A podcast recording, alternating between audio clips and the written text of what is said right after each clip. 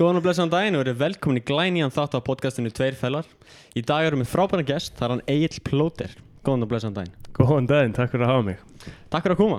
Mega flott hjá okkur Það byrjaði að hrósa ykkur fyrir það, þetta er ekkert eðlilega góð aðstæða Takk fyrir, takk hérna. Vel gert. Er það þú nú vanur, þú ert út á smör. Já, Þannig þú veist hvernig þú virkað, þú talar bara í mækin og heimitt Og reyna eitthvað að bulla? Reyn eitthvað að bulla. Bara segja eitthvað sem þetta er eins og alla mótna. Já,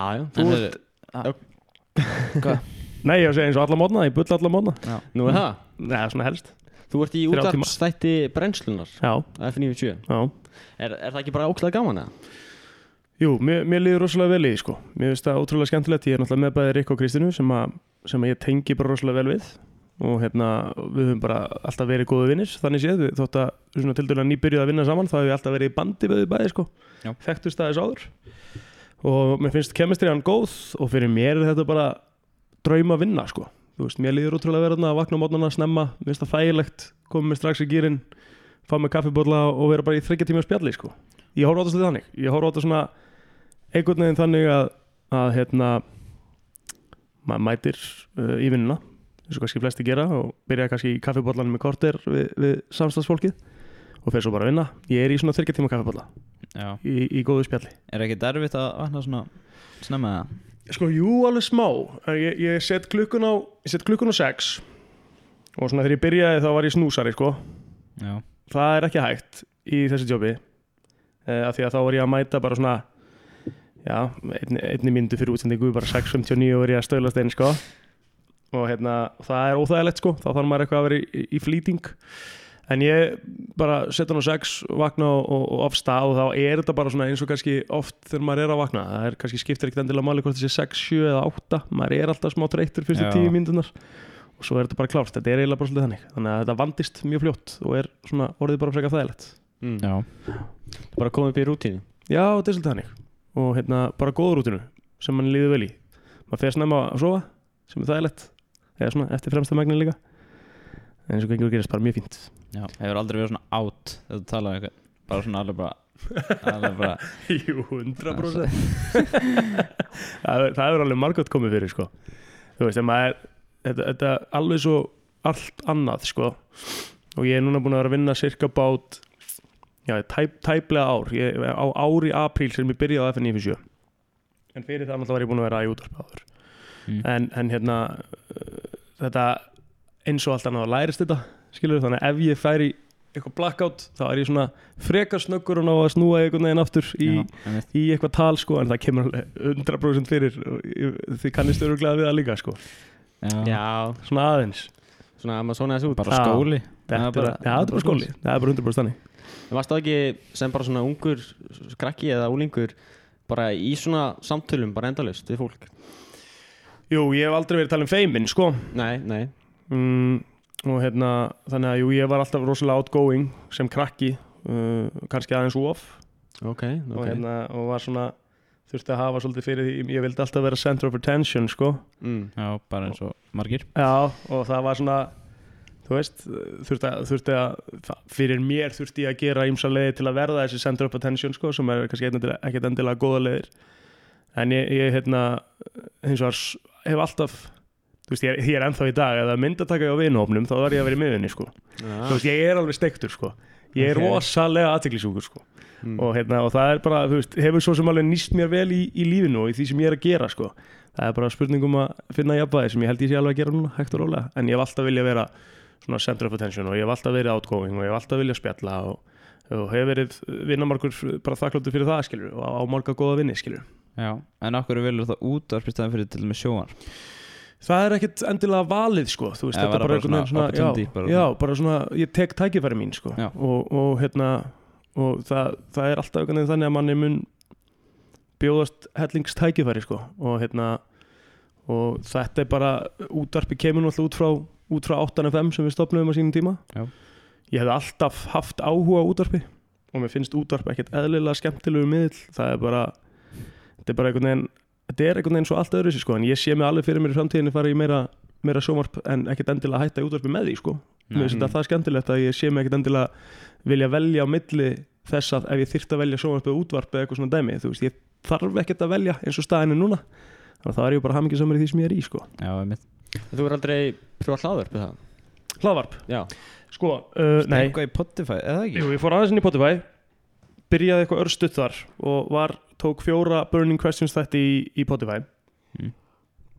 mm, Og það var bara mjög fínt sko. Ég bara einhvern veginn fann mig ekki alveg í því fann ekki alveg nóg mikinn tíma í að vera Deliveraði nóg vel eins og ég vildi. Uh, Þannig að ég einhvern veginn svona er að pása það í augnablikinu. En, en hlaðvarpið er Já, þetta hægt að segja svipaður miðill útvarp sko.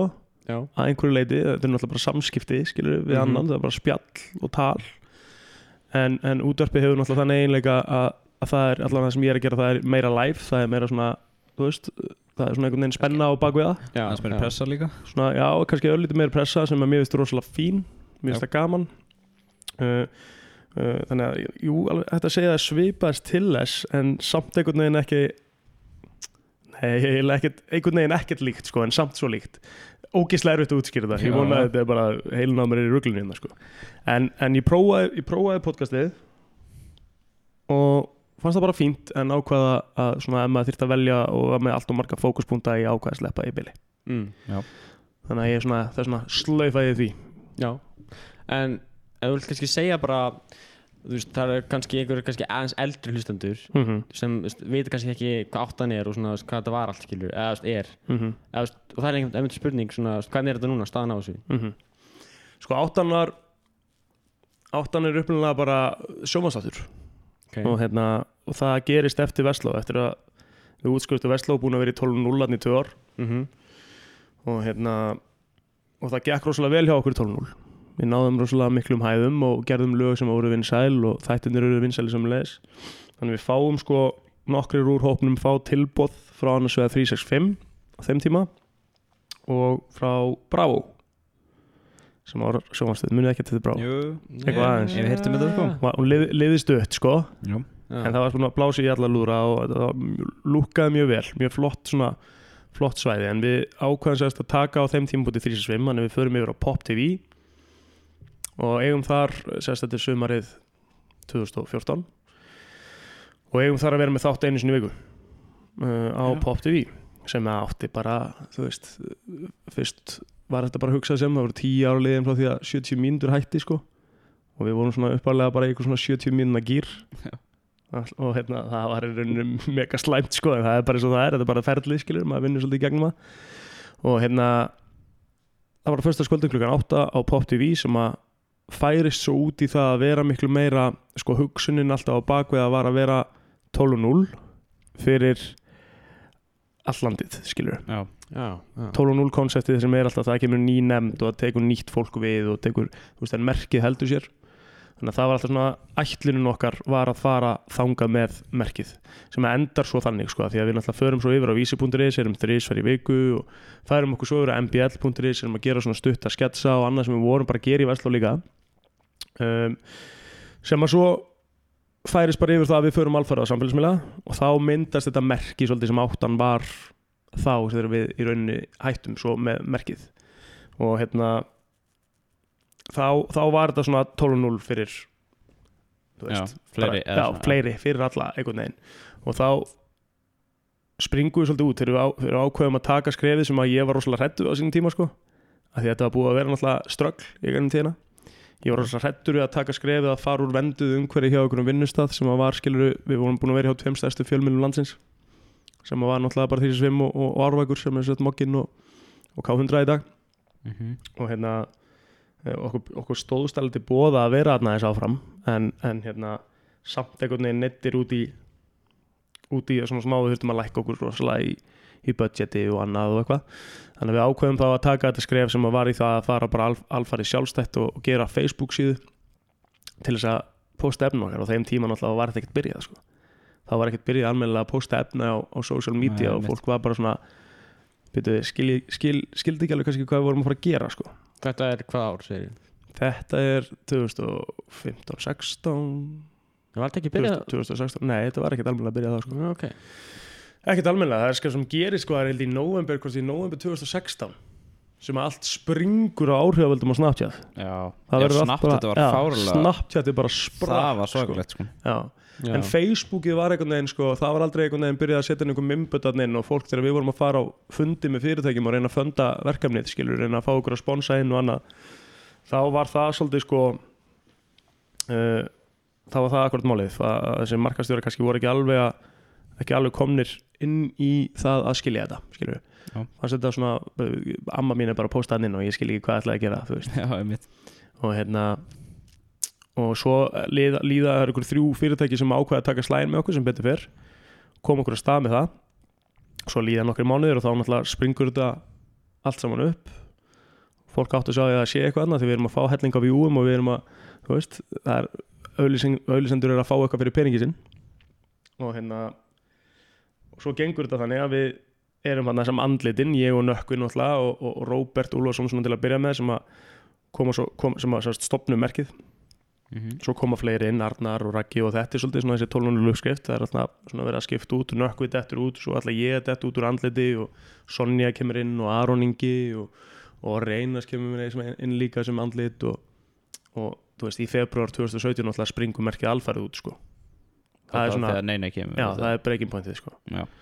Þá kemur nei nei út og, og hérna við náum alveg að ræta það veif rosalega vel sko náum alveg að nýta okkur það helviti vel og það er eiginlega ótrúlegt ár sko. 2017, 2000 og 2017, 2018 líka sturlu ár sko og bara hvað við náðum að gera ótrúlega hluti með merkið þrátt fyrir að það var talað mikið um þetta merki og það var talað um það á marga vegu. Sumir bara á flottan hátt og aðri náttúrulega að reyna að tala niður endalust sko sem er bara flott og það var allt þetta dæmi var rosalega mikill skóli helt yfir sko. En en þessi, þessi ár þegar ég horfið svona tilbaka núna þá er þetta bara langbæsti skóli sem ég hef getað að fara í. Upp á það að gera að ég læri ótrúlega margt á því að vera regnum þegar fyrirtæki. Ég læri ótrúlega margt með því að vera uh, yfirmaður þú veist, ég er með einhvern, eh, einhvern bara fólk yfir mig sem þarf að mæti vinnuna og ég þarf að sinna því og ég þarf að bara gera alls konar hluti sem tengjast markasetning og mínu eigin efni og annað. Og þetta er eitthvað sem ég hefði að mínum mati ekki geta fengið í háskóla sko. Nei. Nei, nei, nei, nei, nei, nei. en þannig að merkið áttan svona ef ég svaraði spurningunni sem var fyrir örgulega kortari síðan bara svona eitthvað samfélagsmiðla fjöllistahópur voru við kallið, kallið sko. Fjö, Já fjöllistahópur, mér finnst það geðveikt það voru kynntinn sem fjöllistahópur á, á ljósanótt, djúðlega gott En svo tekur aftan þátt í Eurovision já, Hvernig ætlist það? það hérna, var alveg lengi búið að, að vera okkar markmið, okkar pæling það var að taka þátt í söngakefni sjónsins og fara út í Eurovision. Ég hafði tekið þátt í söngakefninni sko einu svona aður Ha? já, Hvenær? Hvað? það var hérna, þá var ég bara bakgrödd og eða svona var í hljómsveit og söng svona minna á, á bakvið og var bróður minn að fronta. Það var hljómsveitin Funk með lagið Þanga til ég dey. Já, geðið lag sko. Það er? Já, þangað til ég dey. Hey! Gæðveikt lag Já. sko Þið þurfa að spila þetta bara eftir. Ég veit hvað það er sko. Þetta. Ég held með þessu lagi Já, það ekki. það var. Já, þar er bróður minn sko og þetta er bróður minn sem að hérna, það þetta var svona grunnur af fólki sem allir með í þeir voru í bláa mópalit á Pétur Fimboa Frans bróðir. Svo er Hötti sem er, er alveg upp á nesunu með, með bróður mínum og, og svona kringum misvarsum líka. Og, og Valþór, við vorum aðna fjóri eða fimm saman, ég man ekki. Og þannig ég hafði eitthvað reynslu að kemninni sko og vildi alltaf prófa að fronta hana sjálfur. Já. og hérna og við vissum alveg að við kynnum að gera ykkur lög. Þannig að við kannski gerum Það fer þetta bara næ já, nei, allt er góð við kannski gerum svona hell, sko helling af mistökum í ferlinu. Helling af mistökum Nú. Um, fyrsta lagi þá erum við búin að gefa út þessi lög þessi hérna vinsælu lög okkar sem hefur svolítið svona partí og jam og pæling. Já. Og, og vildum fara út í eitthvað meira alvarlegra þarna. Já. Já. Eitthvað svona ekki alveg í stíl við það sem að við höfum verið að gera sem að voru svona texta og já og bara lag, lagalega séu, bara bílega séu allt sko. Og hérna og það voru það voru fyrstu mistökin sko. Já. og hérna um, förum hann í samstarfi við strákana í One on One sem að var Sturla Atlas og Arnar Ingi eða Jón Nazareth voru með okkur í, í prótisentateiminu og voru að hjálpa okkur að semja á hana og ekkert, þú veist, bara ekkert nema gott að segja um þá við vildum bara fara þessa leið sagt, áttan per se, vildi fara þessa leið að prófa svona lag. Uh, og það var svona eftiráhyggja, það er alltaf þetta vera vitur eftir á eftiráhyggja var það, var það fyrstu mistökin. Og svo förum við bara í þetta alveg all-in og hérna ákveðum að að hérna svona uppálega var ekkert ákveð endilega áttan ætlaði að gera þetta sko. Þetta átti að vera ég og ég ætlaði að fronta og hérna og syngja, þú veist, aðtílisíkin í mér Já. sko. Og hérna svo ákveðum við bara nú að uh, nýtum náttúrulega áttuna í þetta þegar við erum komin inn og segjum bara við ætlum að gera þetta almennilega. Og hérna nota merkið okkar, sjálfsögðu, meikar fullkomin sens. Það voru líka svolítið stóra á þessu tíma. Já, það var risa stóra á þessum tíma. Þetta sér það, við komumst áfram þráttur allt sko, Já, það var alveg sem er afræðing út af fyrir sig. Já.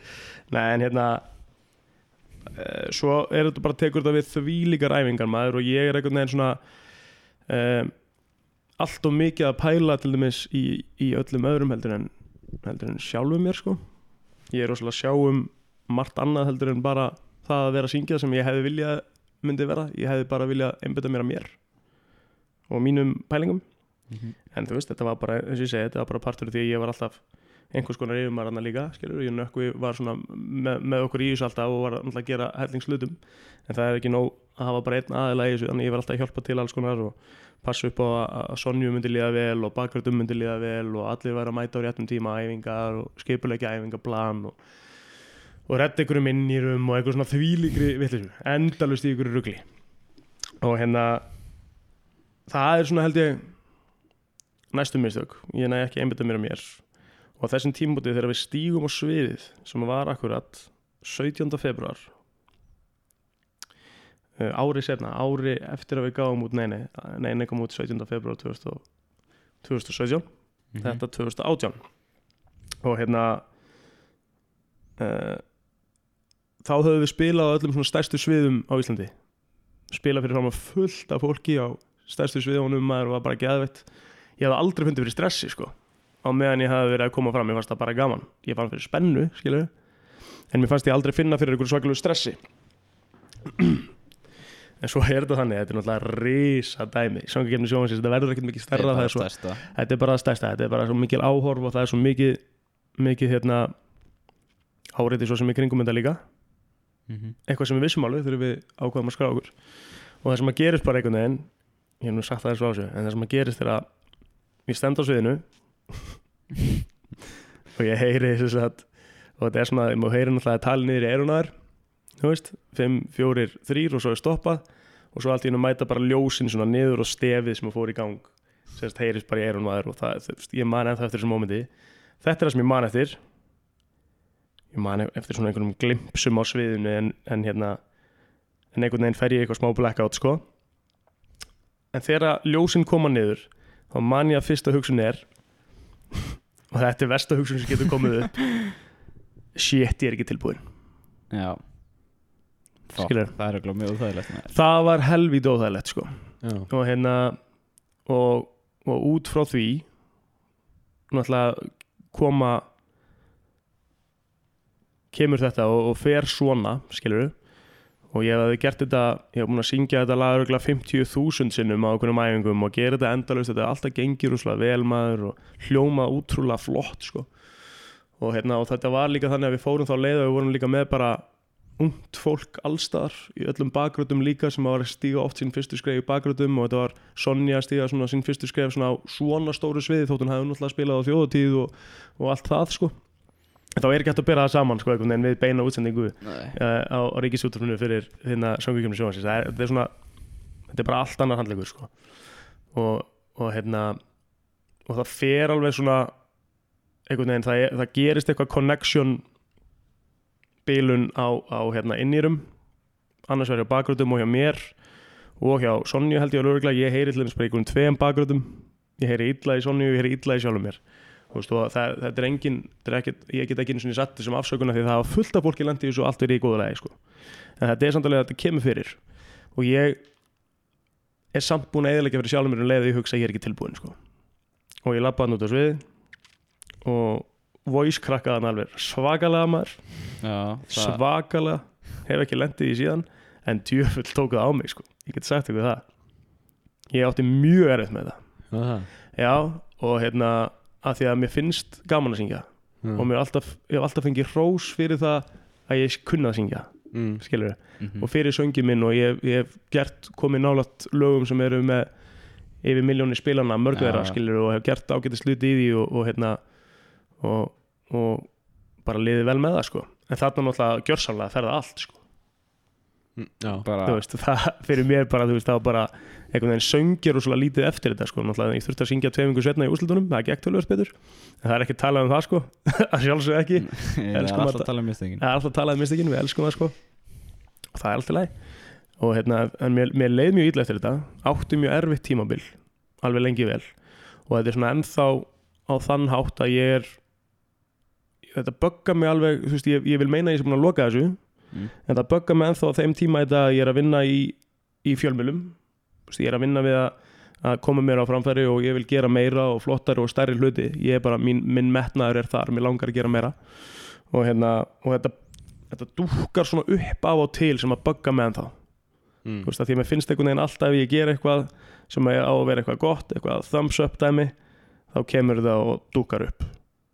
Skiljið hvað við? Eitthvað svona atriði sem að gerðist á tíu sekundum skilur sem hefði getað komið fyrir hvaða söngvara sem er meina, veist, það hefði allir getað lent í þessu. Ég er bara 100% stressaður með bara þurrki í hálsunum og voice crackar bara 100% óþægilegsta sem ég hef upplifað sko, á versta stað fjandinn hafið það. En þegar ég horfði tilbaka þá hérna þá er þetta náttúrulega bara minn stærsti lærdómur í leiðinni sko. Mm. af því að ég hef aldrei fengið á móti þess að að ég fæ sko svakalegt vont, eða svakalega vont umtal. En þá fæ ég líka rosalega mikinn stuðning í kringum fólk sem að þekki mig og, og tala við mig og, og kannski svona meira aðla frá vinum og, og vandamönnum sem að kannski svona kunna alveg að stegjið baki að maður vissu hvað ég gæti sko. Og höfðu heyrt þetta miljónsunum áður sko. Mhm. Sérst ekki vondapartin heldur góðapartin þetta er bara Spotify bara, já, já. bara, bara allt, allt í þessu og hérna og bara ég styrtist rosalega við þetta sko Mm. eins og allir styrkjast við það þegar það er að vera að setja út á mann og þegar það er að vera að hérna já, bara virkilega taka þitt nafn og, og fara illa með það sko Mm. Mhm. þá styrkist maður alveg sko þú veist það klesju lína skilur en það er bara eins og það já, er sko. það er bara það er bara nákvæmlega þannig þannig að hérna söngakefnin maður gott stöf sko hver vann það? Ég man ekki eftir því Ari Ólafs já, já vá, getur já, hann já, vá, var alveg að ruggla tíma saman. Já, Var ekki ópera eitthvað svona? já, þetta var svona þetta var alveg, nei, þetta var svona popla en hann er svona Já. með svona óperu svona óperu rödd, sko, ég veit, veit hvað áttu við. Það var Já. geggjast já, gott lag, sko, Ég man ekki eftir. Meðast það cool, sko Ari líka geggjar en hérna já, bara svona til að enda þessu söngakefni það fóru við náttúrulega uh, í t- tveggja vikna process beint á eftir öllu þessu dæmi sem allt fór í skrúuna maður. Tveggja vikna process að koma sér í gang fyrir úrslutakvöldið já, því við náttúrulega þurftum bara að again. Ak- Akkur á það? Af því við komumst áfram. áfram. Æ, já, já. Við komumst náttúrulega áfram, Já. við vorum kosin áfram sem að ég vil meina að hafi líklega verið komið áður en við fórum á svið sko. já, af því við höfðum það ótrúlega stórt fanbase á þessum tíma mm. af bara alls konar fólki að þau vildi sjá okkur áfram og við komumst áfram tvær vikur í úslitin og það var bara, þú veist, ég þurfti ég þurfti sálfræði tíma á alls konar pælingar sko, Mm. til þess að ná mér eitthvað strik en ég var líka alveg eðlilega stressaður aftur. Uh, að því ég var búin að klikka og mér fannst þess að allir voru að býja eftir ég myndi klikka aftur Mm. með umræðina, það var bara hausinn á mér skilur já, hann var bara þar. En svo gekk það ágætlega sko. Ekkert eitthvað frábært en miklu betra. Og ég gekk alveg sáttur frá úrslitakvöldinu sko bara áfram gakk sko. Þið lendi, nei, öðru seti nei, nei, lentum með, nei, nei, við vorum í það voru sex atrið þarna, ég held að við vorum í sjötta seti sko. Nú, ok, ég, af þessum atriðum hann ég er búin að gleyma þessu alveg sko. já, það var einhver uh, við lendum í einhver fymta eða fjóra seti á domnend og svo fengum við langfæst stig í símkostningu minnum alveg örugglega. það sem er bara mjög skilulegt með allt sem að gekk á sko. Mm. það er þannig. En söngakefni var gott sko. Gott helt yfir. Já, mm. já En uh, þú, þið gerðu líka hérna bíómynd. Já. við gerðum hann ekki. Já. Nú- við leikum bara í henni. Nú, ok, þið inn í það er ennblega margir sem halda að við höfum komið að framlösli í henni sko. Ég veit ekki alveg hvað hann kemur. En við vorum bara fengnir sem, sem leikar í hana sko ég og nökkvi. Ó, já, ok. Við horfðum ekki á þessa mynd. Ég ætla að horfa á þessa mynd Það er nú kemur við það Já, Svo, það Við höfum á trailin, það er já, þið horfðu á trailer, þið er búin það. Nei. Svakalegu trailer sko. Já, þetta var, þetta er sko Fullið vasar er skemmtileg mynd að mínum að því sko. Hún er rosalega bara solid afþreng eftir orðað einhvern veginn, þetta er bara grínmynd sem er einhver hasar í og, og loksis, þú veist, myndi maður segja ég myndi allan að segja að mér, mér fannst á þeim tíma rosalega mikið vanta þannig íslenska myndir sko. Það var eitthvað tímabil sem að var bara endalust að einhverju svona þú veist, þessum típisku íslensku já myndum bara svona hvað við svona, einhver svona, deyr í lokin og já og það er einhver, einhver svona dóp og, og, og einhver, sorgmætur og eitthvað svona, það er alltaf eitthvað það er svona stærstu myndinar eru þannig. Mm þannig að það var flott að ná inn eitthvað svona. Ég, og það er erfiðara greinilega að fá svona einhver aðtikli út á svona myndir. Já, sem er skrítið. Já, já, en þú veist, hún, hún gekk svo sem ágætlega og hérna og þetta var geðveitt verkefni. Bara eitt skemmtilegast verkefni sem ég hef gert sko. Maður er alveg til að leika meira sko. Mjög skemmt, Býtu, varst ekki búin að leika í einhverju öðru? Ég er búin að glemja þessu sko ég hef náttúrulega bara búin að leika í 12.0 og ég hef búin að leika fullt í áttunni og ég hef búin, búin að gera náttúrulega okkar einn þætti sem vorum að leika fullt líka í sko. Já, það var aðalega bara eitthvað svona út frá sjálfum mér sko. Ég leik í auga fyrir auga sem var stuttmynd sem kom út árið 2008 ekki í YouTube Já, ég, það var IMDb já, já, já. Hva- Hvað var það eiginlega? Eitthvað það var bara hérna það var bara ekki í YouTube það var bara hérna nei, nei, það er bara fínt maður, ekki það. Ég er, ég er hættur að skammast mín fyrir hlutina sko.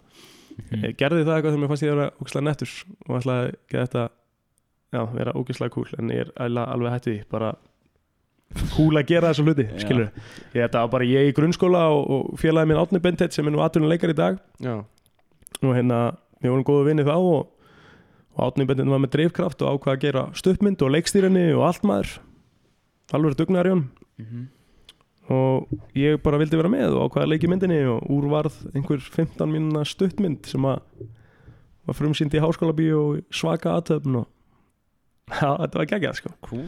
En hún er þarna einhvers þar, það er svona en ég myndi segja að leiklisti mín kemur aðalega og það er svona það sem að ég hef verið að og það sem ég hef lært af í leiklisti er bara 12.0 og 8 sko. Og svo náttúrulega fulli vasar endastöðin þar í byli mm. Hvernig finnst þið 12.0 svona í dag? Þeir voru náttúrulega að gefa út lægið þarna mm. og eru búin að gefa eitt þátt að ekki? Jú, gaf út fyrsta þátti núna uh, og mér líst bara ógslag vel á ég hef bara hitt hérna ég hef bara hitt forminuna sko Mm. og mér finnst þeir Emil og Eithor, mér finnst þeir bara flottir líta mjög vel út svona hvernig þeir ætla að horfa á þetta er í þeim og mér finnst þeir bara vera að gera flottir hluti, ég hef ekki náð að horfa á þáttinn lögin bara skemmtileg og, og það er metnaður í þessum að sé það þannig að ég bara 12.0 er bara sí breytilegt skilur Já. og hérna það er, það er eitt ár sem gengur upp og annað ekki og það er held ég bara svolítið partur af konceptinu sko. Þannig að hérna jú, bara flott í dag sko. Já. Svona allt í lagi bara með við. Hvernig var þá svona Þetta er náttúrulega Vestló. Mm -hmm. Hvernig er það svona Fyrir þá sem hafa ekki færið Vestló Hvernig er það í Vestló? Bara svona veist, vera þar bara heilt yfir. Já, veist, Er maður heyrir eitthvað mikið Já, eftir er að þetta ekki svona Þú ert cool eða fyrir Eða eitthvað svona er svona Maður er svona Ert það fyrir Það er bara svona fólki í Vestló finnst það cool skilja allan að þá, ég ætla ekki að tala fyrir þau sem eru í Vestló í dag. Já. mér fannst það mjög cool, Mm. sínum tíma. Samt sko, þá er alveg saga að segja frá því. Ég ætlaði mér aldrei í Vestló sko. Öll sískin mín voru búin í MS og ég sótti þess að stund eftir, eftir tíundabæk sæki um MS í, í fyrsta val. Og íþróttafræði braut á FG í annað. Mm. Kemst inn í korut það sem ég var með svo ótrúlega lága einhvern í starffræði Já. Mm, Það er bara svolítið lendi upp á lendi upp á kant við starffræðikennar minn. Ok. Og ég fó bara í ég var að þú veist, ég skilji hvernig típa ég var. Ég fó bara í, bara, þú veist alveg bara móta, mótenni skilju ég ætlaði bara, að hún myndi ekki vinna sko. Já, Já. ég fó bara í stríð sko. Sem er náttúrulega uh, hentaði mér alls ekki vel en, en hérna það sem gerir það að verkum að ég kemst ekki inn í þessa skóla. Og ég byrjaði fyrsta árið mitt í fjölbrytarskólanum við Ármúla eða Harvard eins og ég kallaði og, og hérna það var næs sko. Kom mér óvart bara með veginn maður var alltaf búin að heyra ykkur ákveðna hlut um skólan og bla bla bla bla bla en mér fannst þetta bara frábært verið að fá og tók ár þar sem að ég lærði rosalega mikið tók margar reyningar, gekk ótrúlega vel fekk góðar enganir og þá sagt, eftir það ætlaði ég mér samt alltaf að vera í MS sko. mér langaði alltaf að fara í MS að því að öll sískinni mín voru þar og búin að vera þar. Og sérst þrjú eldri sískinni sem þau öll gengi í gegnum MS og hérna þannig að ég sækjum MS um sumarið með flottar, eins og ég segi, flottar enganir og allt klárt. MS svarar ekkert. Svarar mér einhvern veginn aldrei. Og hérna, sem er ógislega grillað því hérna, einhvern veginn skildi ekki sko ég, ég gæti alveg að fokka eitthvað upp sjálfur sko, það lítur eiginlega að vera. Það Já er mjög steikt einhvern veginn að þetta er farið þannig. En MS er ekkert að svara og ég og mamma erum eitthvað að ræða þetta og, og hérna og ég, mamma spyr mig hvort ég vil ekki bara sækjum í Vestló og þeim tím bara nei ekki sjans ég fyrir Vestló maður. Fastanlegu skóli eitthvað. Fannst það ekkert alveg málið. Uh, öruglega því að ég var með einhverju hugmyndum að ég var ekki nógu góður í það sko. Einhvern veginn en fann, var samt alltaf með egoð í botni og var samt bestur sko. En fannst ég ekki alveg svona litli kallin í mér var ekki alveg þarna sko. Og svo bara einhvern veginn eru tveir dagar í það að ég þarf að skila Umsók umsókn. Og bara, veist, tveir dagar í bara, bara loki fyrir umsóknir. Og þá bara ákveður móður mín sem betur fyrr að bara senda á hana klöru hjá Vestló. Og ég fæ sérst viðtal hjá klöru daginn eftir sem deild, var deildistjóri þá hvort að hún sé það ekki annað í dag. Og hún setur ykkur að þrjá blúsa á blaðið og ég er komin inn daginn eftir sko Já. og þetta er okkur skemmtileg saga að því að ef ég hugsa það þá er þetta það sem er búið að bara gera lífið mitt í dag sko. Já ef ég hefði ekki farið í Vestló hefði ég ekki verið að gera neitt af þessum hlutum í dag mm. skilur við, Já, já. að því að Skrítin hugsun já, það er bara að því að, að því að í Vestló náttúrulega fæ ég plattform sem að ég hefði örglega ekki getað fengið annars þar Þú veist, ég fæ 12.0 sem er risa plattform í þessum svona skemmtana bransa. Þetta er rosa stórt merki sko. Og vörumerkið er rosalega þekkt. Og, og hérna þannig að þegar ég mæti í Vestló þá finnst mér ekki að þetta sko. Geggjað, mér finnst það ógæslega nett, mér finnst ekki að cool. Skilur að vera í Vestló, eins og að segja. Og hérna og það, stemmingin þar er bara það eru allir bara einhvern veginn að ég ætti að útskýra það, það eru bara ég lærði ekkert eitthvað ógíslega mikið ég var mikið í félagslífinu um, og já, bara var að njó- njóta lífsins svolítið sko, þetta var bara ógíslega skemmtilegu tími. Og ég held að flestir sem horfðu tilbaka á Vestló myndu hugsa það sama sem að voru svona kannski í, í félagslífinu. Ég var náttúrulega ekkert eitthvað á sömu braut og, og hérna sömu, vinni minni sem voru á náttúrubrautinni eða, eða hvað það er sem var miklu meiri lærdómur. Ég var á félagsvæðbraut þannig ég höndlaði það rosalega vel. Ég var að svona svolítið límheili varandi texta en ég þurfti ekkert rosalega mikið að hafa fyrir því sem betur verið að læra. Gætt gert það ágætlega. Og og hérna og þess vegna hafði ég næ- nægan tíma til að fara í 12 og nægan tíma til að fara í, í svona félagslífspælingar þetta byrjar á peysufattalæginu við gerum pay ho, mættir á mætti gólfið. Já ég, Nei, ég veit ekki hvort ég veist það. Er ekki alveg Jú, ljóta veit Jú, Hvað segir ég? Mættir á mitt gólfið Jú, ég, það, jú. Já, lítur að vera er Halluru banger sko. Finnst það mjög líklegt. Já, þetta er geggjala Nei, sko. já, betur að tala um það á YouTube? 200.000 eitthvað. Já, Já, ég var bara að horfa á það í gær Já, Nú, Það var svona peysufattalægi, það er alltaf gert árlega. Ég er allavega mjög ánægð með það Ég ætla að tala um ykkur á peysu Ég Já, peysufattadagurinn er svona sérstakur dagur í, í Já, Vestló sem er gert í, í þetta. öðrum bekki Vestló. Eh, sem heitir fjórði bekkur þarna.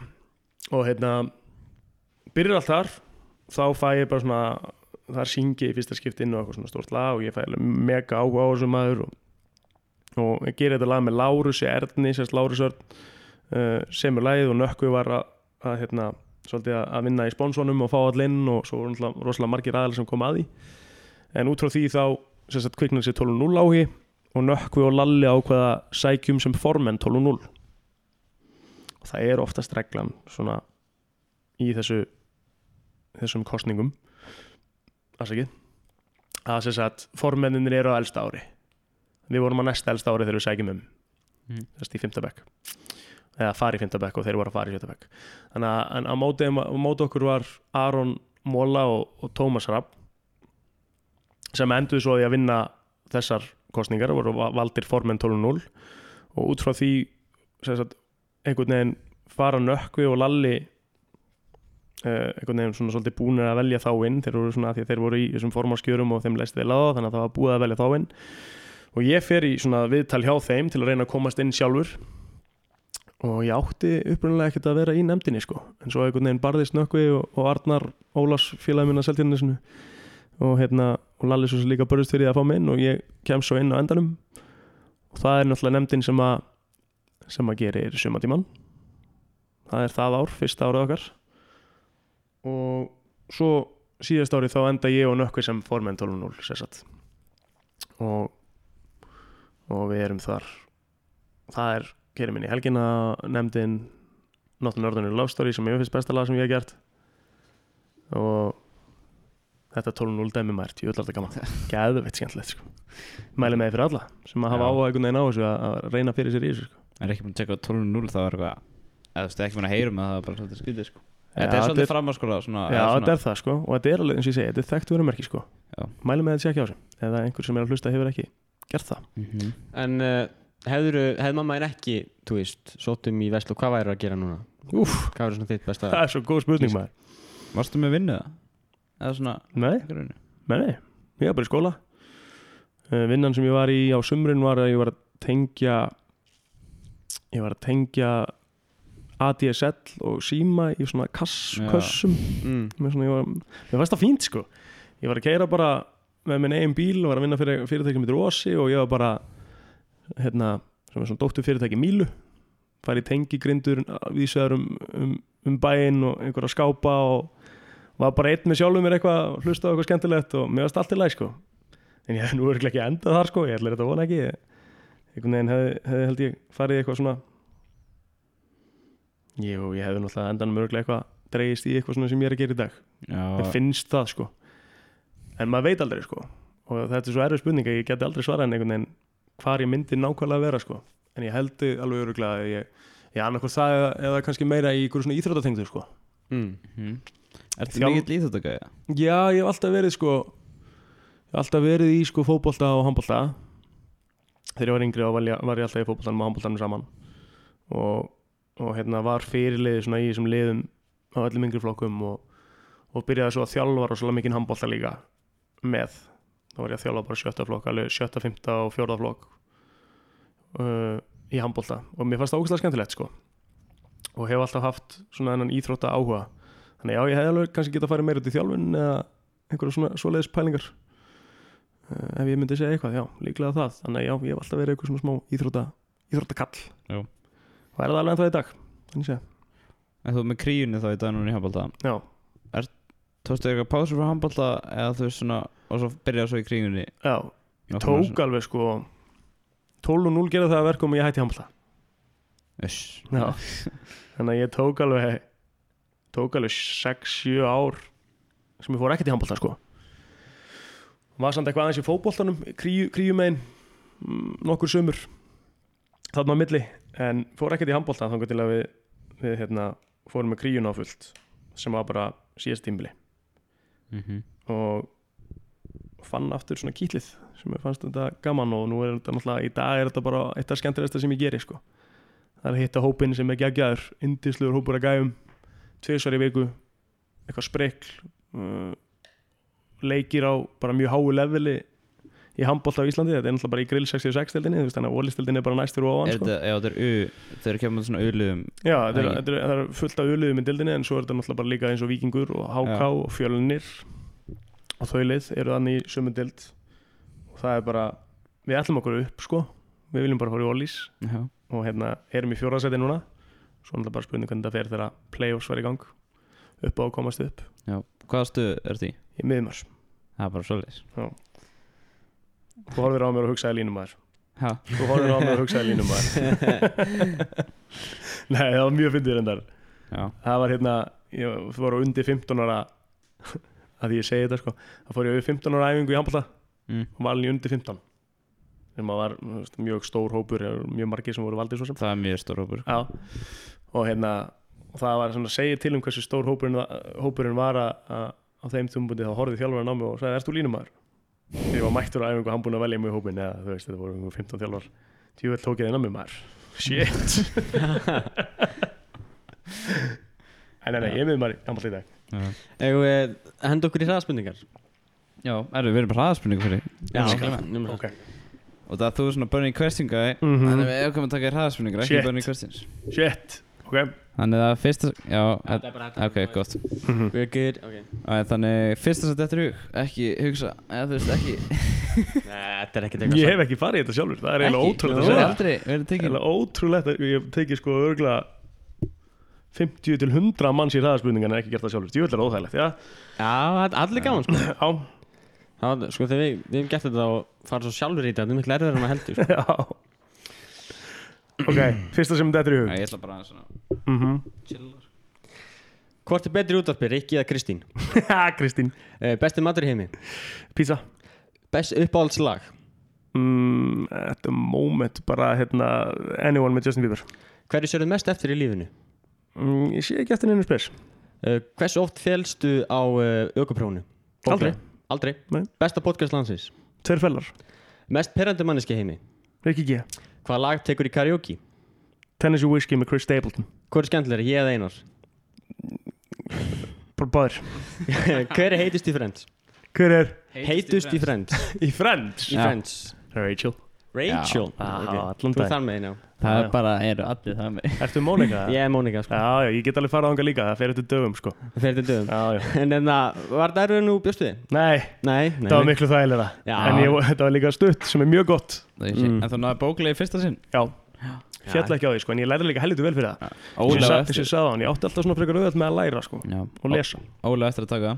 Er það? Ég náði Já, fyrsta. Já, vel Öllu gert. fyrsta. Þetta er tíu daga Þú ert eftir tíu daga? Já, já. Maður bara tekur AK og Já, AK verkefni svona aðingapróf já, ég gerði bara svo leið, sko. Ég Já. tók bara hellinga prófum á netinu. Já, maður gerir það. Eitt sem aukarskóli býði ekki undir er hvað er mikil umferðin í Reykjavík melli fjögur Nei, kljóðum fjögur og orðnana Shit, ég var hérna, ég, ég held ég myndi vera setn í viðtali sko. Já. Ég var hérna alveg bara Já, það er rugl, sko. Það er hérna Reykjavíkur umferðin er samt, sko Pældi hvað við höfum að gott með maður. Að þið búið í, í Þið búið á Selfossi, svo ekki? sko Selfoss er crazy umferð á þarna Já, já, um Þarna- Veistu við? Sko. Veistu þið, já. Shit, þú kemst ekki inn á hana Það er bara ekki hægt Nei, að nei. þetta beigja inn á Nei, nei, Það er að fara ykkur hringdurka eitthvað sko. Einmitt. Já, þið eru í svona, þið eru í svona útlandapælingunni Ef þið myndu vera að vinna í Reykjavík, skilur Það var allir vanir þar. Í útlandum, þá er þetta, þú veist, klukkutími vinnu fram og tilbaka, sko. Við erum vön rosa fín, rosa góð Já. að vera bara tímyndur á leiðinni vinnuna, sko. Það er þægilegt, sko En hvernig var þetta þú fæst prófið? Varstu úkslega ánæður eða varstu bara alveg sama? Eða? M- Man ennþá hvað mér, fannst gæðveitt að keira einn Jú, það sem er Já, gæðveitt ég var að segja þetta Af hverju Ég var að segja þetta við nótu klukkutíma ára Já. Hvað er svona gott eða kerið? Þú bara svona blasta tónlistinni Já. og bara engin fullar í liðina Já, enginn í hliðina er að segja hvað þetta að gera maður Það var eitthvað frelsi, sko Já, Já, Það, ok Þú mynd Þetta er finna það, sko Þú mynd geggjað, finna það um sko. leið og að gera þetta Já, kannski Jú, það er svona eina sem ég man eftir sko. en jú, auðvitað fannst mér þetta gaman og eins og ég segi, þetta var frelsi að geta farið svona uh, þangað sem ég vildi sko. ég líka eignaðist bara fljótt bíl eftir það sko.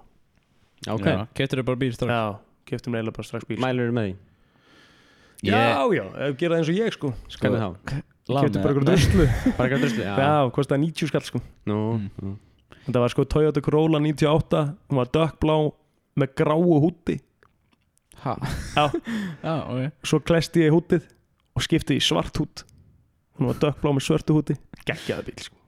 Já, ég þór ekki að koma bíl sko. Mamma er þetta bara að banna mér að koma bíl þannig já, að- það, Já, ég get ekki gert Æ, þetta í það er svo sem alveg þetta Já, Já, bad investment sko, það Já, þetta er líka, er líka slæm investment sko. þetta er eitt að bíl er aldrei eitthvað gæðveitt góð fjárfestning sko. Nei, nei. Ef þú ætlar að fara út í það. Samt eitthvað cool já, ég- að eiga bíl, sjálfsögðu. Það er forréttindi. Já, já hvað, var, var stutt í Vestló? Að tókstu bara strætó eða kerðir þú? ég, ég bara kerði sko Já, það var hérna það var bara já, ég átti heima í, í bryggjukörinu á þeim tímúti þannig að þetta var bara tímum að kessla eitthvað mm. og það var þægilegt, gera alltaf bara sjálfur Mhm. Ef að fara í fælarspurning kannski? Já, fyrst eru svo spurningum Þá Mhm. mannstu settu við ná Já, ég þarf síminn í það mm -hmm. Það settu við inn á Instagram Dótið hana já, já, já, já, geggja Það var enginn á Það er enginn á Facebook, nei.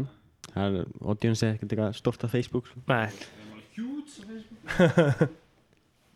Þetta er allt Instagram ok.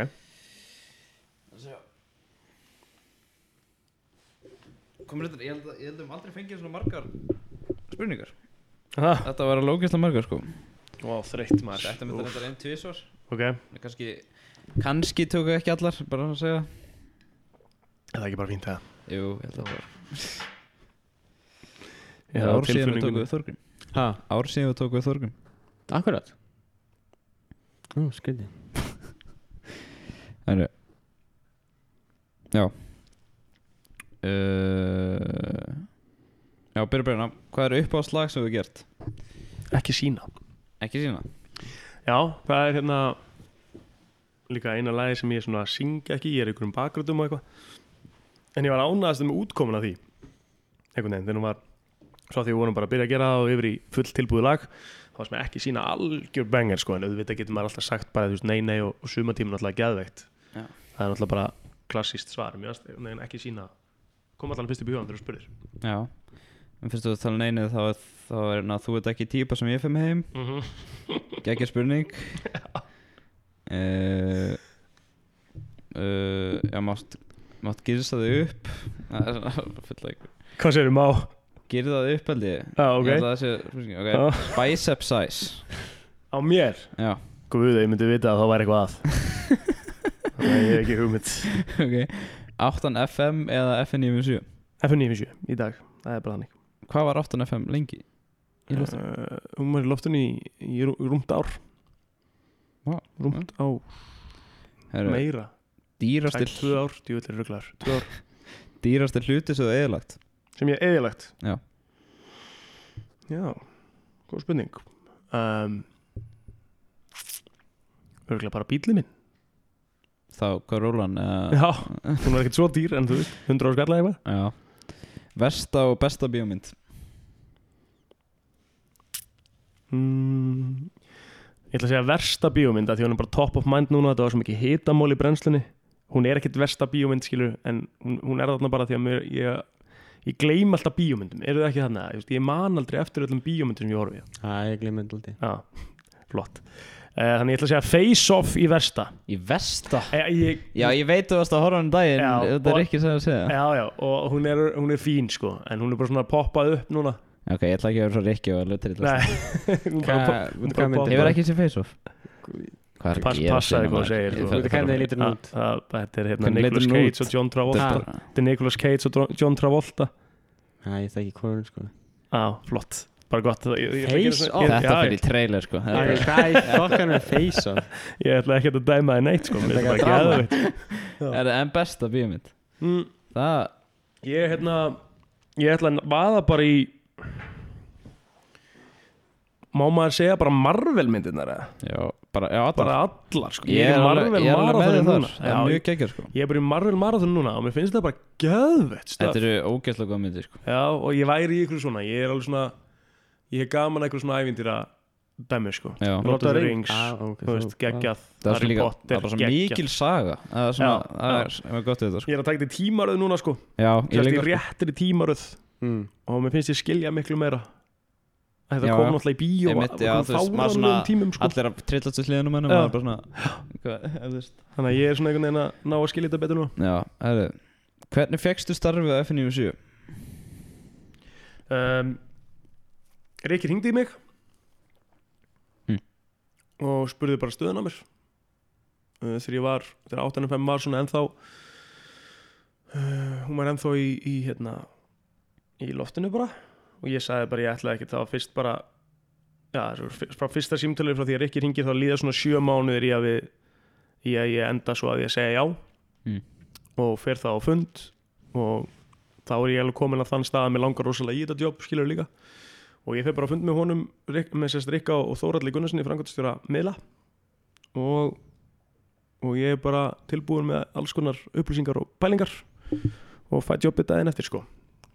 Klíka Og hver er besti vinur hans? Besti vinur hans? besti vinnu minn þá Já. Uh, það er ekki hægt að svara, ég hef svo marga góða vinnumar Mér líður þetta að sé einhver vinur Þannig þetta, er- Já. þetta er 100% litli king sem er að spyrja þessar spurningu Hvað heitir hann? þetta er lagstall Já, já, Það er takk ekki. Já, Já. Þannig að hérna, Daði, þú veist, ég get nefnt svo marga maður. Ef ég byrja að nefna þá, hérna, þá gleym ég einhvern og ég vil það ekki. Fullt að geggjum vinnum. Ok, stæðsta afreg á íþjóttafellinu fyrir utan að innsikla reykjöp með pennika í loftvítinu Með hvað? uh, panika í loftvítinu Yes sir Nei, loka vítinu, ekki Já. loftvítinu, hvað er það? já, já, já, það var góð samar Við kláraði reykjöp fyrir káver í fjóraflaki Rosalegt sko Þurfum ekki að rifið upp hér Það myndi allir slökka, ég er búin að segja þessu sögur svona Já. 150 sinum Er það? En mesta íþróttafreg Já. um, Bara gleymum strax, ég ætla að fara bara í næsti spurning Mesta íþróttafreg myndi vera líklega bara bara allir þessi titlar í yngri flokkum sko. Við vorum rosalega góður í handbóltanum sko. Við vorum Íslandsmeistarar, byggarmeistarar, deildameistarar þriðja, fjórða já, fjórða, þriðja eitthvað upp í annan flokk líka sko. þannig að það, ég myndi örugglega bara að tala um það K.R. þá ekki okay, okay. Nei, það verið gróttu í handbóltanum sko. Grótt, já, handbóltanum Við vorum ekkert eitthvað að vinna neitt rosalega mikið í fótboltanum Herru, þekkið þennan líka. Okay. Það sé á uppáhalds tónlistamæður sem er unni með. Um, Það kannski að gefa hún Æ, bara. um, uppbólst tónlistamæður sem ég er unni með. Ég ætla sko að ég ætla að pyrra þennan sem er að segja spurninguna. Að ég myndi eftir í hug hverja það er. Ég ætla að segja Lári Sörn Arnarsson Hver er þetta að að spyrja? Ingi Báður, það er ekki rétt hjá mér. Lári Sörn Arnarsson er sem sagt sem, var með mér í 12.0 og gerði öll þessi sumatíma bít og gerði neina bíti líka með Inga og annað. Já. og hann er okkar að mínu mati þú veist það er náttúrulega því að hann er vinn minn en þú veist, hann er hæfuleika ríkasti einstaklingur sem ég veit um í, í þessum bransa, í þessum pródúsa bransa og er að vinna núna út í eins og búsettur út í LA að prófa sér svolítið áfram því, geggjaður gæi. Þannig ég ætla að segja Lára Sörn Akkur eru bara gert hits þegar Ingi Báir er að hjálpa þér? Að því að, að því að Ingi Báður er kongurinn hann, hann kann Já. þetta líka upp á 10 100% Er það hversu mikið pening fyrir að lita þér rauðharan? sko þegar ég byrja að lita mig þá er, þá er voðin vís að því ég er með þund hár. Mm -hmm. já Nú, mm hann er búin að fylgja Nei, ég bara heyrti þetta ágæslega mikið í brennslinni Þið eru alltaf að tala um þetta maður. Ég Já. hlusta brennsla hverju degi já ég elska það. Hérna um, þá, þá hérna fer háruður að finnast það þá meira. Þannig að það þyrfti að vera það þyrfti að vera ansi góð summa sko Nú, uh, til að lita með rauðhar en ekkert hvort sem sé rauðharur eða dökkarur eða eitthvað ég held ég að vera Ok, þú veist, ef ég myndi slamma miljónin á borðið núna Þetta segir mér að myndir ekki taka Jú, ég myndi gera það sko. Jú, alltaf daginn. Ég myndi gera það fyrir miljón Eh, en það er svona uppæðin sem ég var að hugsa sko. Ekki 900 skall sko. það er þá pappiðin sköldultur hvað sér ég? Pappiðin sköldultur Já, hann er eh, ekki, ekki sköllóttur sko en hann er með gamla góða hreyðrið hann er aldrei heyra þetta, hann er fínt að ég segi þetta bara Já, ok Já. Hver er þinn uppáhaldsrappari? um, uppbóls rappari um, ég myndi bara segja Átni Páll sko, herran hitt sem hann bestur, bestur á Íslandi og, og hérna ég hlusta mest á hann af íslenskum röppurum mm. Já, geggjaður sko. Mm -hmm. Hver er með skett og staðar landinu að mati eigils? Gettó maður Það er alltaf í gettóinu núna sko. Já, við erum í breiðoltinu Alltaf fíla breiðolti sko. Gettó staður. Ég ætla að segja Ég ætla að segja að það sé. Júlum fyrir þetta erfið spurning. Það er ekki Seltjarnes alveg rosalega langt í frá. Þannig að það fyrir við bara í næsta bæ við og við ætlum að segja Vesturbærin Já. Það er gettóið á Íslandi. Ok. Mm Heru, Þetta er þetta svolítið áverð Hvort myndir þú velja að vera atvinni handbóltamæður -hmm. eða að vera listamæður? Í dag myndi ég hygglust velja að vera Eða listamann vera á listamannar launum Ég sé. Eða vera á listamanna launum Nei. Atvinna handbóltamaður eða á listamanna launum Já. Það myndi ég taka atvinna handbóltamaður Já, Það er alveg klart sé ekki alveg einu endan veist. Listamanna launin sko. Jú, jú, þú veist. Það myndi ég velja að vera atvinna, atvinna handbóltamaður Já, það er auðvitað ekki mm -hmm. Heru, Og síðasta er áttan alveg hætt. Já. Í byli, eða þú veist, alveg hægt er erfitt að segja En jú, í byli þá er áttan ekki með virkastarfsmi Nei. Það er þannig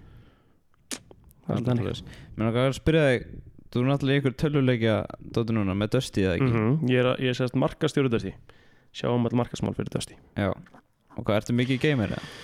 Um, ég eh, orðið meiri gamer í gegnum, gegnum Dusty. Og hérna finnst þetta ógeðslega spennandi spennandi vettangur sko. Ógeðslega cool grein. Og þetta er náttúrulega bara þessi þú veist þessi, þessi rafíþróttir er að stækka hvað mest á hvað bara útrúlegum tíma sko. Þannig að hérna þannig að mér finnst þetta mjög svona spennandi viðvangsefni líka sem að rafíþróttir eru sko. Þannig að ég einhvern veginn svona komst inn í það bara sérst, einn af mínum bestu vinum eh, stopnaði þetta og við erum þrýr saman í þessu svona, sem eru svona aðalega í svona og ég byrjaði aftur að spila Counter-Strike þegar ég byrjaði þessu þannig að ég var svona einhver gamer út frá því ég er okkur að fara að lýsa Counter-Strike á 50 daginn það verður drullu áhugavert sko. Já. ég veit ekkert sko. Í rauninni, ég er að lýsa og... Já, já, er bara- Nei, ég er svona betur fyrir með Kristján Einar sem er, sem er hérna búin að vera í þessu lengi. Hann er að lýsa hann og ég er svona eitthvað aðeins með honum. Og hérna, þannig að þetta er búið að vinda svolítið fljótt upp á sig en ég er búin að vera tvö ári í þessum bransa og, og ég er svona átt að mig alltaf meira og meira á því hvað þetta er. Mega mikinn sens skilur og, og flott leið fyrir marga sem eru vilja taka þátt í einhverjum svona störfum félagslegum störfum sem hann kannski ekki gengi upp í, í almennum íþróttum og þurfa að fara í þetta og þú veist, þetta er bara margt við þetta sem er ógeðslega geggjað og ég ætla ekki að fara að þaula það upp núna ef, veist, ég mæli sem með að fólk kynni sér þetta rosalega vel. Já, og skoðið eins hvað Rísi og, og annur liði í ræðu þetta er að standa fyrir í dag því það er mega cool. Já, var ekki að koma eitthvað mótin á Ísland? Eitthvað, og Já. MSI er að koma til Íslands.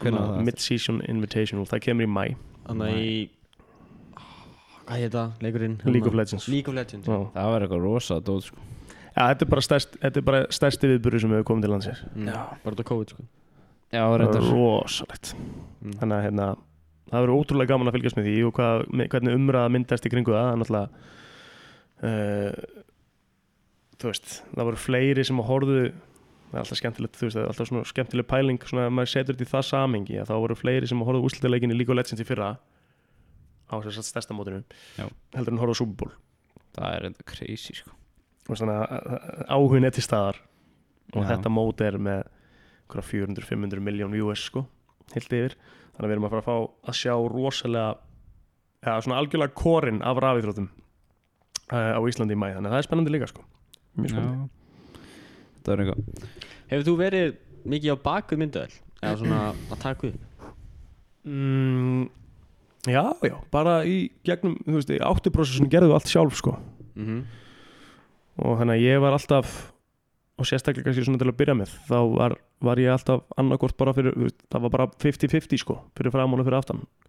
Og er ennþá að þú veist uh, klippa í dag fyrir FM og taka myndir á baku tjöldin á, á hérna, umsum þáttum sem er í gangi á stöðu 2 og setja inn á stöðu 2 Instagramið og Er þið bara öll með FM Instagramið það? Er, er já, já, við erum bara svolítið, já, það er bara staffið svolítið, ég, svona, ég og Kristín erum með svona yfir umsjón kannski með því. Já. að sjá að setja svona hlutina þar inn og annað. Og hérna og svo er ég náttúrulega að vinna líka bara sérst, á markastildinni hjá sín svona part-time þar. Og það er svona, kom- koma svona samfélagsmiðlar út af sér aðalega inn í samfélagsmiðlar stöðu 2 og bara svona er, er að vinna svolítið kringum social media hjá sín líka sko. Þannig að hérna þannig að já, ég hef verið að vinna bara alveg mikið eitthvað er á bakvið myndalina heldur fyrir framann hana sko. mm. Hvernig það svona, veist með græjur og veist, maður læri þetta er þetta bara allt svona self-taught eða bara YouTube og allt svona Já, það er Mm. bara bara sjálfvært YouTube fyrkt sko mm. og ég er ekki, ég get ekki sagt að þú veist þið, núna hérna eru þið með örgulega svona þrefalt fleiri græjur heldur en átt á með öllum sínu ferli sko Já, það Já. Já, ég sem, er, sem er bara geðveikt sko. Af því að við vorum einhvern veginn alltaf að passa upp á selana. Já, mm. og við nýttum það stundum í vittlösa hluti. Við hefum alveg átt að nýta á í að kaupa meiri búnað 100% Já, en allt í lagi sko. sko. Ja, allt í lagi, við leigðum sko við, svona fyrir þessu stóru þætti og svona þá leigðum við svolítið. Já, já. Og fyrir þessu stóru verkefni. Mm þá leigðum við bara búnað.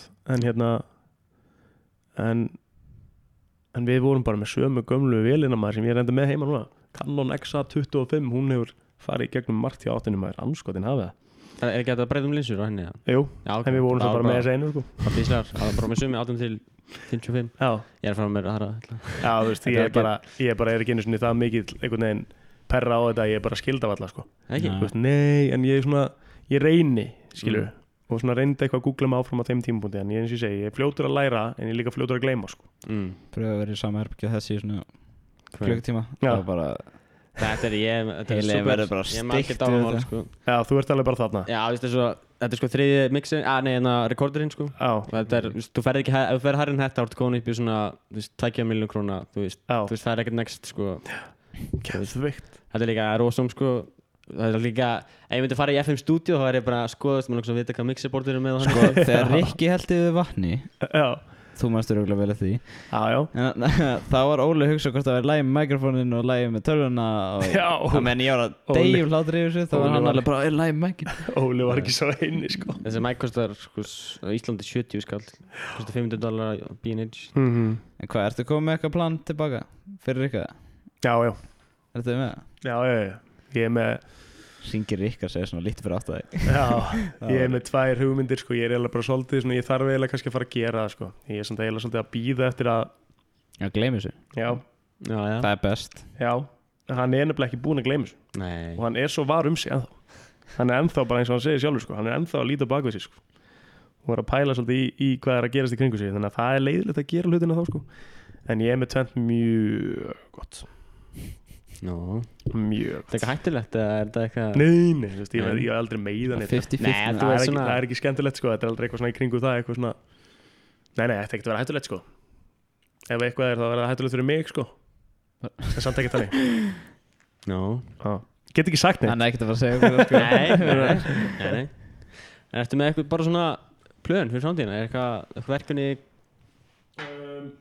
Já, bara Mm. Hérna Ég er svolítið svona á því mómenti núna að bara take it day by day sko Bara að vera veist, eins og ég segi Bara vera svolítið í núinu og, og, og reyna að bara grípa mín tækifæri og taka þau tækifæri sem mig langar að taka og, og ég vil heiklust starfa í þessum bransa sem ég er í dag. Mér finnst hann æðislur Mér finnst æðislut að vinna þarna þessum vinnustað sem ég er í dag og mér líður rosalega vel í vinnunni þannig að ég sé mig alveg fyrir mér vera þarna í daggóðan tíma og gera bara flottar hluti og sanna með ennþá meira og, og gera ennþá meira. Og hérna og svo bara er alls konar hluti sem maður er að pæla líka. Mér langar aftur að eignast eitthvað fyrirtæki. Mér langar aftur að fara í eitthvað, viðskipti sem ég geti alveg eins gert með því. Þú veist, ég loka ekki á neina dyr. Ég ætla bara að grípa öll þau tækifæri sem er býst sko. Þú með eitthvað svona uh, óska viðmælanda? í, í hérna í brennsluna, Bara hvað sem er bara heilt yfir. Bremsluna eða svona hittan bara í spjall. Mm, íslenskan. Skeitir ekki máli, bara eitthvað Ef þú segir einhvern þá bara vil hann Jeff Bezos eða eitthvað allt, sko. nei, ég myndi vel Justin Bieber sko. Já, Nú, það- það? þú ert mikið já. Justin fan. Aha, ég er bara verðst Bieber fann landsi sko. Fórst á tónleikana þegar þeim kom? Mm Þannig að auka eða -hmm. Já, ég líka. Þeir voru ekki alveg nógu góður sko. Nei, það var náttúrulega erfiðu kallinn sko. Það var erfiðu þá, ég fór á Bieber í Berlín 2013, það er best sem ég gert það henni sko þá var Bieberinn ennþá í hvítu fötunum og fjólblá skónum sko. Ekkert eðlilega nettur sko. Ég hef aldrei verið mikið svona Bieber sko, en þú veist, Nei. náttúrulega geggju að söngur í En ég hef aldrei svona, ég er bara, já, hip-hop. Já, ég er bara einhvern veginn, hann hefur alltaf verið minn maður sko sem er steikt sko, hann er jakkamli sko. Já, en hérna, en ég hef bara alltaf verið Bieber maður og hef aldrei skapast mér fyrir það sko. Það var alveg svona, back in the days var það svona eitthvað, það var eitthvað cringe. Var drullu saman, mér varst það bara geggar og finnst það ennþá, þannig að það er svona minn svona drauma viðmælandi að vera alltaf Justin Bieber sko. Fyrst, það kemur fyrst upp í hann, mm. getur spjalla helling við hann sko, en svo myndi ég örgulega tjóka líka þegar ég myndi hitta hann. Já, ok. geta ekki allir þegar hitta svona vilja. Já, og það er Hvernig þú hitta, Merti? ha, ég? Um, Hérna Trúlega eitthvað leikstjóra. Mm. Það er eitthvað svona eitthvað... balta, Já, nei Eða ennþá ekki- meira? Kannski hérna Hérna, hvað heitir hann? Vá, maður, ég man ekki eins hvað hann heitir Hérna, Góður. sem- með Django hérna Tarantino, já, Quentin Já, Tarantino Quentin Tarantino já, það var í Eða stert bara eitthvað youtuber sko kom þú fyrir í? Ég myndi alltaf fara í M&M já, ok, Nice. nice. Á, Hvað er nice. M&M tónlistinu á FM? Hvað? Já, þú voru að spyrja Rikka Er það ekki nú mainstream fyrir Rikka? Nákvæmlega, það er örgulega málið Tjúvis, hata þetta orð Í alvegni sko það er- Shit, þú bara svona um leið og segir þetta bara Snöggræðist ég sko Mainstream maður Hvað er mainstream fyrir ykkur? Sem er, er það ekki þau sem er svona þekkt í dag eða svona alveg Bara vinsæl tónlist er mainstream fyrir mér skilur Já, mm. ég meina Þannig ef að tónlist er á Top 10 eða 15, 20 á Spotify Það er mainstream. Erum það ekki bara mainstream Jú. Er þetta ekki bara svo Rikki finnst skemmtilegt? Jú, hann er alltaf bara að bugga mig sko. Já, er, Hann er alveg sammálið mér að þetta sé pælingin. Hann er bara að bugga mig. Og það hefnast alltaf hjá hann Það er það er pyrrandi við það. Heyrist alveg vel í brennslunni. Já, ég þarf að bara að minka anskotin af það. Já. Er, Er eitthvað, eitthvað loka orð því það er? Ég held að það sé bara svo komið gott sko. Já, bara takk kjærlega fyrir að hafa mig. Bara mega gaman að spjalla við ykkur Og, og hérna, Já, fyrir þetta, geðvitt Það er bara Já Takk fyrir að horfa Þess sem er að horfa Takk fyrir að koma Takk fyrir að með mér í podcastinu. Yes sir. Og við sjáumst. Já, það var gott. Ég viss Það. Tekur alltaf alveg síðast að